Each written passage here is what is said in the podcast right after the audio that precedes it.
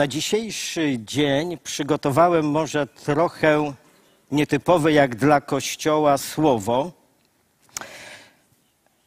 ale na pewno z Biblii, ze Słowa Bożego. Nie wiem, czy macie tam zdjęcie wielbłąda, ale wielbłąd to jest y, zwierzę, które było udomowione wiele tysięcy lat temu i w kulturze Bliskiego Wschodu odgrywało, odgrywa wciąż nadal dosyć dużą rolę. Wielbłąd to takie sympatyczne, wakacyjne zwierzę. Waży przynajmniej 700-800 kg, czasami do tony. Wielkie. Dwa metry prawie wysokości. I chyba większość z nas bardzo sympatycznie wspomina wielbłądy, szczególnie ci, którzy mieli okazję przejechać się na wielbłądzie. To jest duże wrażenie. I kultura Bliskiego Wschodu mocno jest związana z tym stworzeniem. Ono nie tylko zapewnia transport, bo nie wiem, czy wiecie, ale wiele osób na Bliskim Wschodzie pije mleko w wielbłądzie, je mięso wielbłądzie, nosi ubrania z wełny wielbłąda, a bardzo często też y, odchody wielbłąda są używane y, jako y, podpałka, czy jako ten, tak jak u nas węgiel.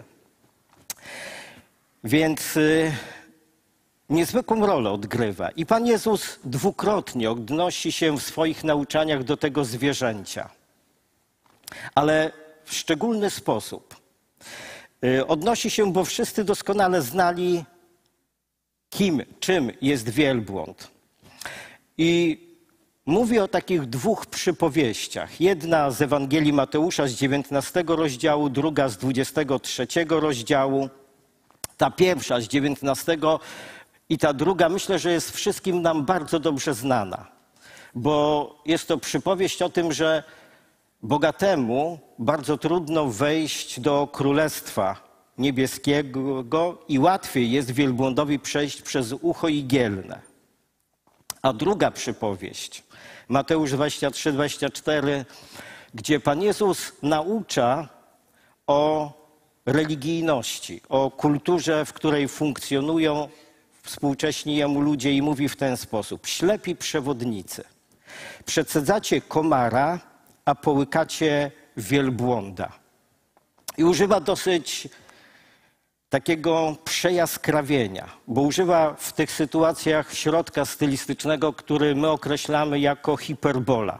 Czyli to jest taka odmiana przenośni, chyba dobrze to polskie słowo oddaje, jest to przesadnia, bo coś zostało mocno wyolbrzymione, ale po to, by lepiej dotarło do słuchaczy. O co tak naprawdę chodzi w tej wypowiedzi? I Pan Jezus mówi, przecedzacie komara, a równocześnie połykacie wielbłąda. Czyli każdy słuchacz doskonale wiedział, że komar, malutkie stworzonko, którego da się połknąć i myślę, że nie jeden z nas jadąc rowerem czy idąc połknął jakiegoś stwora tego typu i później z obrzydzeniem wypluwamy. Ale nie da się połknąć wielbłąda, który tak jak wspomniałem dwa metry wysokości ma i waży około tony. Czyli Pan Jezus chce pokazać, jak łatwo zajmować się drobiazgami, a nie przywiązywać uwagi do spraw zasadniczych że nie powinno się zaniedbywać tego, co tak naprawdę jest kluczowe. Jak nie popaść w taką małostkowość i religijną budę dzisiaj? Jak nie przesadzać w jednych sprawach i nie bagatelizować równocześnie innych, równie ważnych? Bo tak czynili współcześni jemu uczeni w piśmie postrzegali swoje życie w ten sposób, bo kochali Boga i chcieli być skrupulatni, dokładni, wierni, ale w czymś przesadzili. I dzisiaj będziemy mówili o rzeczach prostych z jednej strony, ale niełatwych w obecnych czasach dla nikogo z nas. Bo ja osobiście mam takie przekonanie, że wszyscy się z tym, o czym będę mówił, zmagamy i wszyscy poddani jesteśmy presjom, z którymi sobie często nie radzimy. Ale żeby czuć komfort ten wakacyjny, to chciałbym, żeby na dzisiejszy dzień takie kluczowe słowo zapadło nam w naszych umysłach, sercach, w głowach, a tym słowem jest balans, równowaga.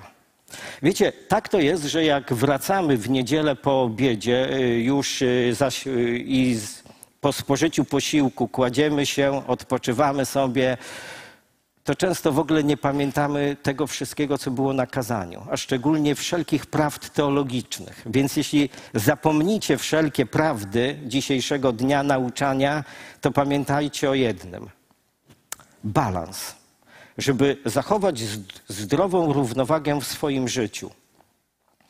Bo mamy bowiem skłonność do takiego przesadzania a zwłaszcza w tych rzeczach, które nam osobiście wydają się jakieś ważne, atrakcyjne i każdy ma jakby swój taki konik albo swoją pasję i łatwo zaniedbujemy inne rzeczy, łatwo wpadamy w takie przesadyzmy.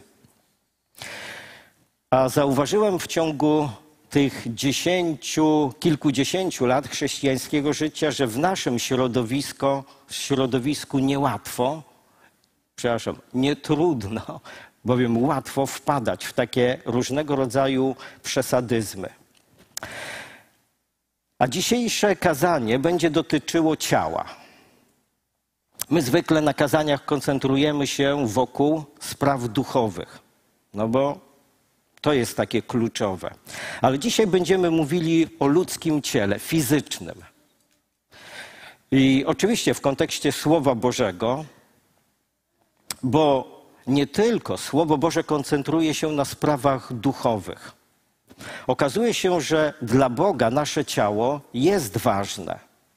Czasami ludzie bardzo łatwo przekierowują swoją uwagę właśnie tylko w jedną stronę.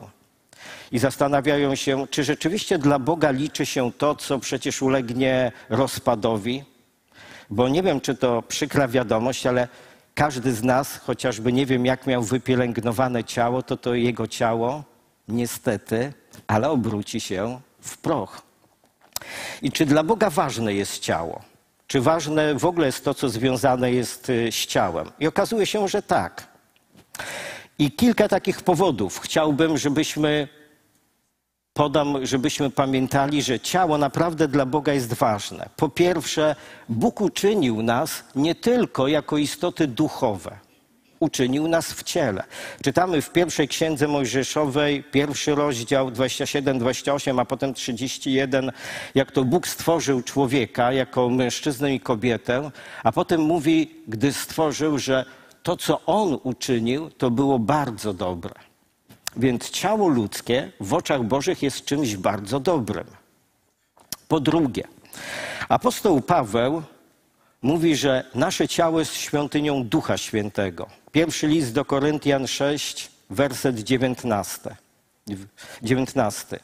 Albo czy nie wiecie, że ciało wasze jest świątynią Ducha Świętego, który jest w was i którego macie od Boga i że nie należycie też do siebie samych.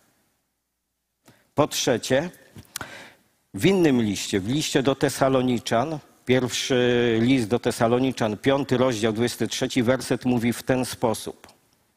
A sam Bóg pokoju niech was w zupełności poświęci, aby cały duch wasz i dusza i ciało były zachowane bez nagany na przyjście Pana naszego Jezusa Chrystusa. Słyszycie? Duch, dusza i ciało też były zachowane bez nagany. Po czwarte, w liście do Efezjan apostoł Paweł napisał takie słowa, piąty rozdział, 29 werset, że mamy miłować własne ciała. Albowiem nikt nigdy ciała swego nie miał w nienawiści, ale je żywi i pielęgnuje, jak i Chrystus Kościół.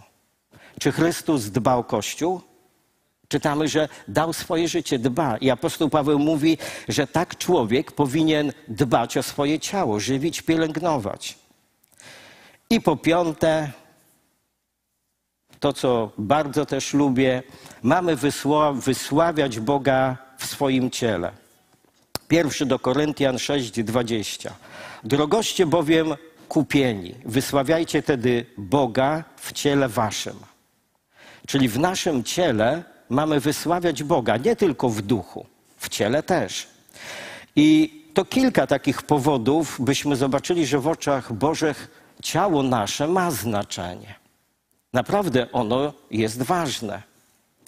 I ważne też jest w tym kontekście takie zrozumienie równowagi między duchem a ciałem. To, co duchowe ma znaczenie, ale Słowo Boże mówi, że to, co związane jest z naszym ciałem, też ma znaczenie. Dlaczego ten temat jest ważny? Bo przez wieki w chrześcijaństwie panowało takie negatywne nastawienie wobec ciała. Bo w ciele upatrywano wszelkiego rodzaju zła, że ciało jest siedliskiem szatana. I w związku z tym deprecjonowano ciało, poniżano, umartwiano na różne sposoby. Znamy te pochody biczowników ze średniowiecza. Ciało traktowano jako siedlisko nieprawości. Zanegowano wartość ciała. I to przez wieki takie spojrzenie funkcjonowało w myśleniu wielu osób. To, co było związane z ciałem, uznawano za godne pogardy. Tylko co, to, co duchowe, bardzo uwznioślano. Dlatego, że z ciałem wiązano cielesność, ale w rozumieniu biblijnym to cielesność to jest grzeszna, zepsuta natura i związana jest ona z sercem człowieka. Biblia na określenie ciała używa dwóch kluczowych słów. Pierwsze słowo to jest soma. I dosłownie ono oznacza ciało, nasze ciało fizyczne. Stąd polskie słowo mamy takie somatyczne, czyli związane z ciałem. I drugie słowo, którego w języku polskim nie ma, to jest słowo sarks.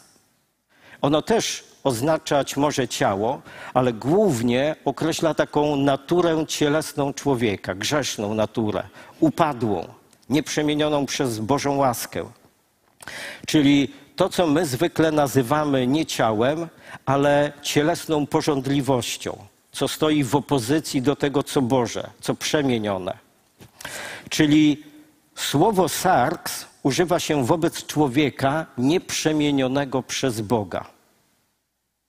Albo można powiedzieć człowieka cielesnego, kierującego się porządliwościami duszy lub serca. I w tekście biblijnym, tłumaczonym na język polski, mamy przeważnie to samo słowo użyte ciało, określenie ciała. Więc ono może być mylące dla tego, kto czyta. Zaraz to zobaczymy na podstawie listu do Galacjan, gdzie apostoł Paweł właśnie mówi o tym, czym to jest, czym to sarks jest, a co jest tłumaczone w, no właśnie w naszych tekstach jako ciało. Piąty rozdział listu do Galacjan. Bo, dy, bo wy do wolności powołani zostaliście, bracia. Tylko pod pozorem tej wolności nie pobłażajcie ciału, ale służcie jedni drugim w miłości. I mamy tutaj słowo polskie ciało, w Grece jest to słowo sarks. Dalej, 16-17 werset tego listu. Mówię więc, według ducha postępujcie, a nie będziecie pobłażali rządzy cielesnej Znowu słowo sarks.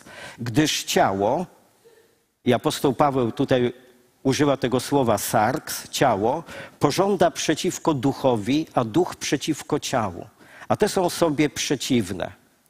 Czyli duch Boży nie jest przeciwny naszemu ciału fizycznemu. Czyli moje ciało fizyczne dla Boga jest czymś dobrym.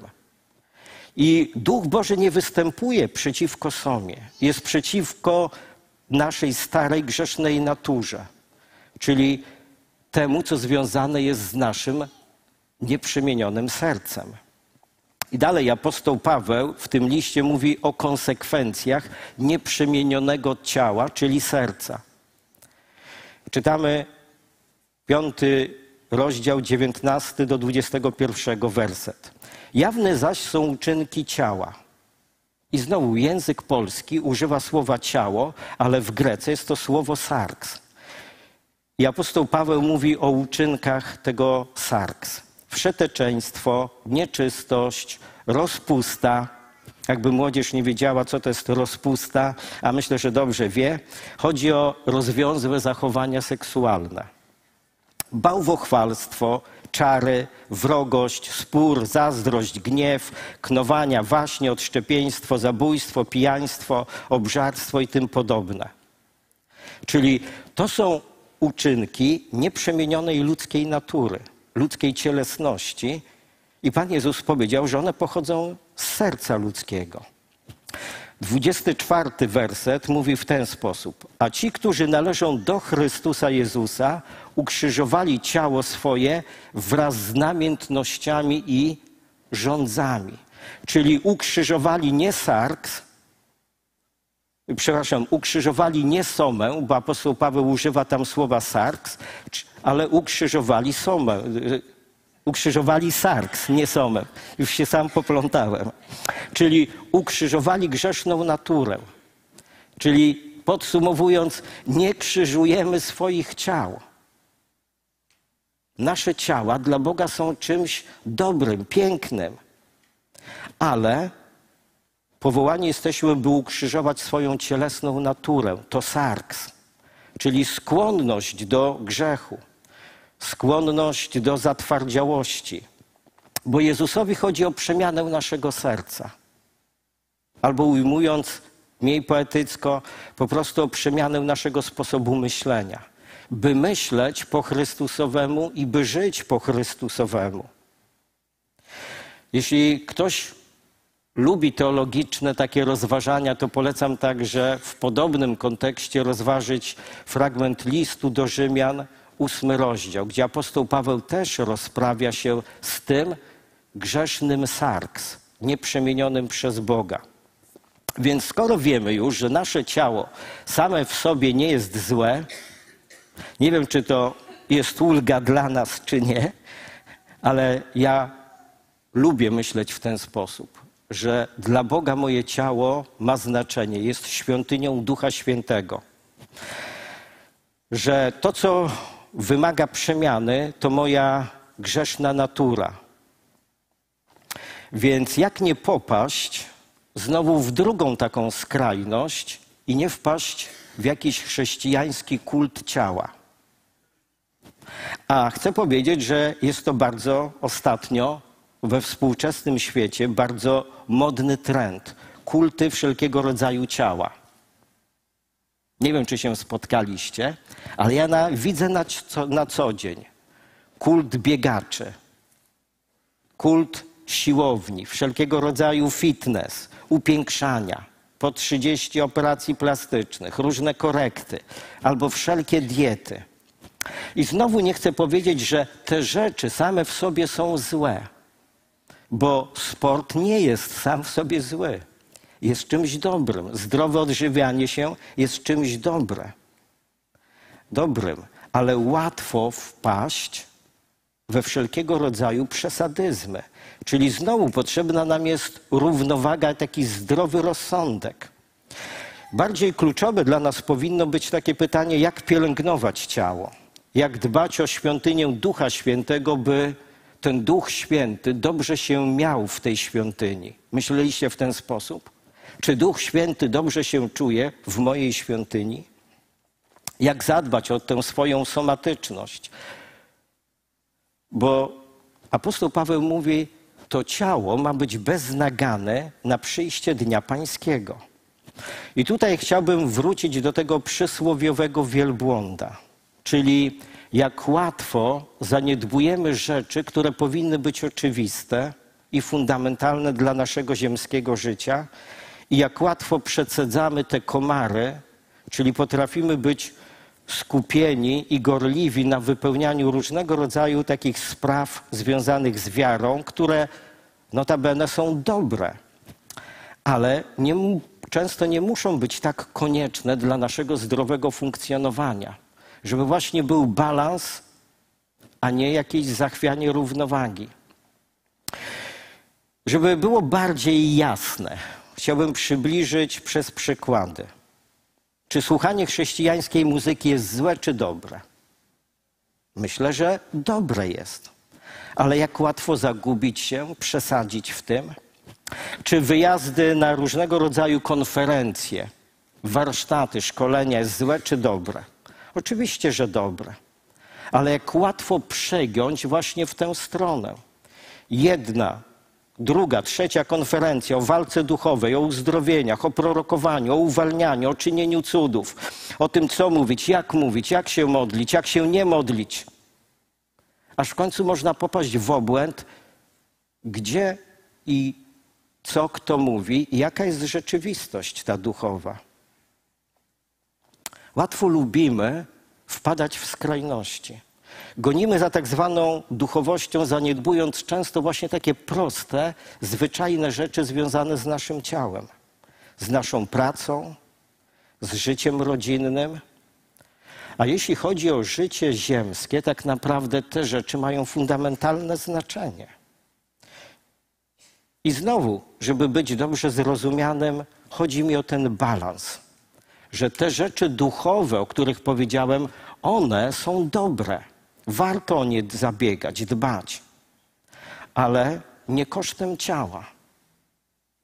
Właśnie powinien być balans między duchem i ciałem. Dlaczego jest to ważne? I powiem rzecz na wakacje może dosyć trudną ale współcześnie staliśmy się bardzo tolerancyjni wobec niszczenia własnych ciał. Nie tylko grzeszymy duchowo, w wymiarze ducha, ale bardzo często grzeszymy w wymiarze ciała. Źle traktujemy nasze ciała. To są wszelkiego rodzaju zaniedbania, niszczenia. I czasami mam takie wrażenie, że albo lubimy grzeszyć, lub mamy taką nikłą świadomość tego, co jest dobre, a co złe dla naszego ciała, albo, jak mówi się współcześnie, nie jest to może ładne słowo, ale mamy na to wszystko wywalone. I powiem, żyjąc i obserwując różne zjawiska, widzę, że nie mamy tutaj zahamowań. Staliśmy się ślepi wobec wielu niezdrowych zachowań, które niszczą świątynię Ducha Świętego. Lekko traktujemy takie niewłaściwe podejścia do ciała, zanieczyszczamy świątynię Bożą na różne sposoby. I podam kilka przykładów, które mogą zaskoczyć. Bo nie wiem, co sobie myślicie, o czym głównie bym chciał powiedzieć, ale jeden przykład po drugim.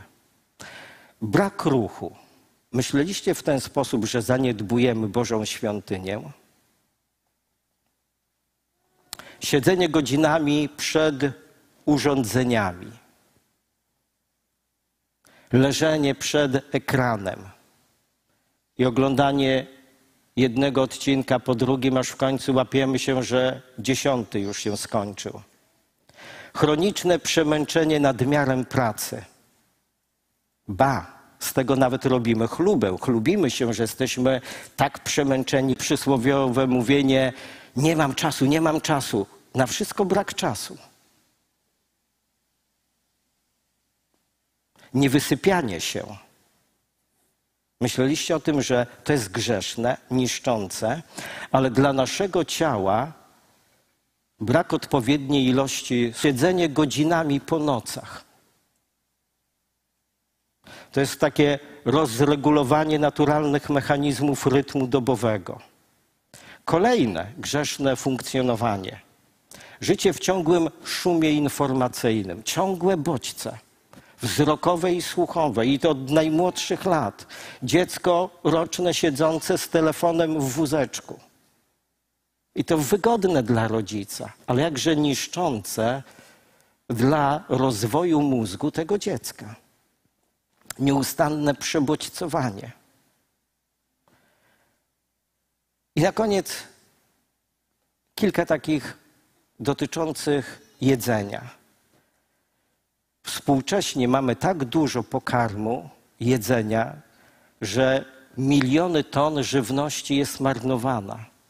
A w innych regionach świata wiele osób, miliony osób nie ma co do zjedzenia. Spożywanie niezdrowej żywności, bo nie chce nam się przygotować lepiej, zjeść przysłowiowego słodkiego batonika, picie różnego rodzaju wynalazków. Mówię o napojach. Zażywanie tych dopalaczy, używek, byleby tylko się pobudzić. I wiecie, smutne w tym wszystkim jest to, że my o tych rzeczach teoretycznie wiemy, że nie są zdrowe, ale zwyczajnie je bagatelizujemy i usprawiedliwiamy. I to na wszelkie sposoby. Ja czasami tak dla żartu podchodzę do kogoś, kto pije taki yy, napój i tak spojrzę, nawet nic nie powiem. I od razu słyszę, wiem, wiem, to, to nie jest zdrowe. Ale, zawsze jest jakieś ale, bo my mamy swoje usprawiedliwienia. Wiecie, jak trudno dla nas współcześnie jest posiedzieć w ciszy, bez tego skrolowania ciągłego, poleżeć w spokoju i nie przeglądać kompulsywnie telefonu? Jak bardzo trudno nam jest pójść na taki spacer i nie zabrać telefonu? Ciągła ta potrzeba w gotowości i nasze ciało nie ma kiedy odpocząć, tylko żyje właśnie w stresie. Jemy w stresie, myślimy w biegu ciągle i grzeszymy w ten sposób na potęgę. I co fundujemy własnym ciałom? Spustoszenie, takie zaśmiecenie, przeciążenie, wypalenie. Ale przyjdzie czas, że to ciało nie wytrzyma tego, ono pęknie. W poradni bardzo często, albo coraz częściej, mam osoby, które pękły, nie wytrzymały tej ilości stresu. Bo przychodzi zawsze bolesny moment zapłaty za traktowanie w ten sposób Bożej świątyni. Słowo Boże mówi jasno, co człowiek sieje, to będzie zbierał. Mówimy przecież o epidemii chorób cywilizacyjnych. Choroby ruchu sercowo-naczyniowe, metaboliczne, endokrynologiczne, przy, psychiczne, przenoszone drogą płciową, choroby wynikające z przebodźcowania, przeciążenia, nałogowego uzależnienia od substancji, od zachowań. To są wszystko grzechy przeciwko własnemu ciału. A nasze ciało jest jednością. Duch, dusza i ciało. Nie da się oddzielić psychiki od ciała. Nasze myśli wpływają na nasz układ nerwowy. Nasz układ nerwowy reguluje układ endokrynologiczny i immunologiczny. To wpływa na metabolizm. A znowu metabolizm wpływa na nasze dobre lub złe samopoczucie, czyli taka jedność. Duch, dusza i ciało jako jedność. I słuchajcie, dopiero przełom XX i XXI wieku przyniósł mnóstwo badań, gdzie nauka doszła do wniosku, że ciało człowieka jest taką jednością. Nie da się podzielić, wycząstkować. Właśnie w tej jedności potrzeba takiej harmonii, balansu, równowagi. Co daje nam? Boże spojrzenie Boże podejście do ciała. I myślę, że gdy zaczynamy patrzeć w Boży sposób, przychodzi, powinna przyjść przynajmniej taka równowaga, zbalansowanie, dobrostan. Bo biblijne spojrzenie na ciało, na jego rolę, według mnie daje prawdziwą wolność wolność od nałogów, Apostoł Paweł powiedział, że wszystko mi wolno, ale nie wszystko jest pożyteczne. I ja się nie dam niczym zniewolić. Biblijne spojrzenie daje spokój wewnętrzny. Mówimy o epidemii chorób psychicznych. A Bóg przychodzi jako książę pokoju. Dać nam ukojenie, wyciszenie z drugiej strony natomiast takie biblijne spojrzenie chroni nam przed drugą skrajnością, wszelkiego rodzaju egocentrycznymi skoncentrowaniami na ciele, przed takim kultem ciała. Skupieniem się na sobie.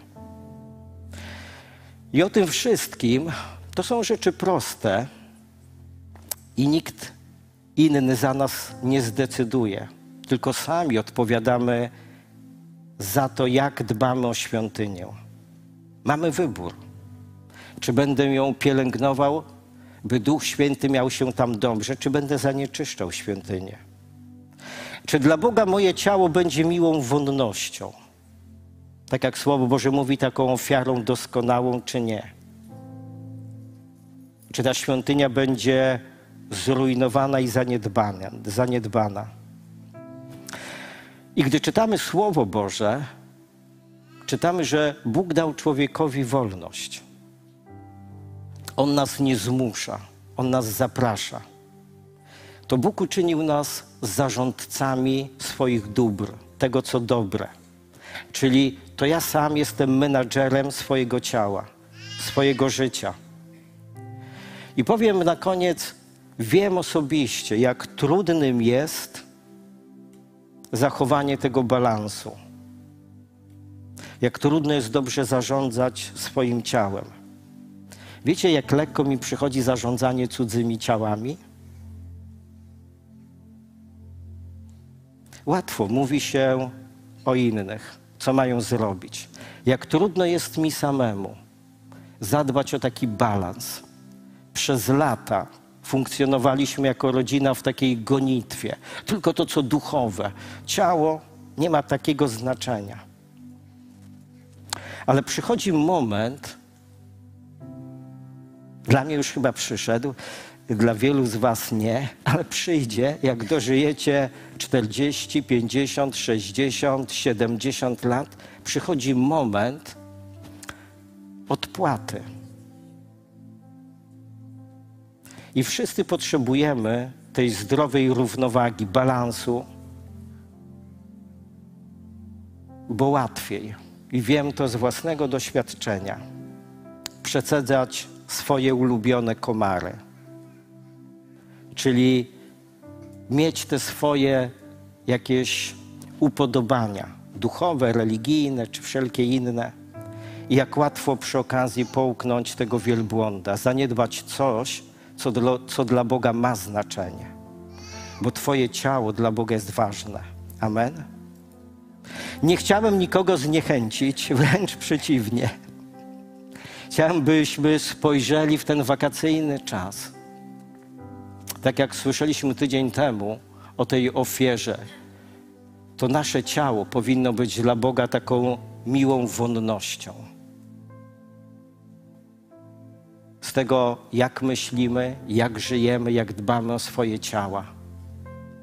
I Panie Boże, daj nam mądrość, aby Duch Święty, Duch, którego nam dałeś, miał się dobrze w naszych ciałach aby to naprawdę było to miejsce, w którym ma upodobanie. I abyśmy tak żyli, gdy przyjdzie ten dzień pański do naszego życia, by nasze ciała i nasz duch i nasza dusza były zachowane bez nagany. O to Ciebie, Panie, prosimy. Amen.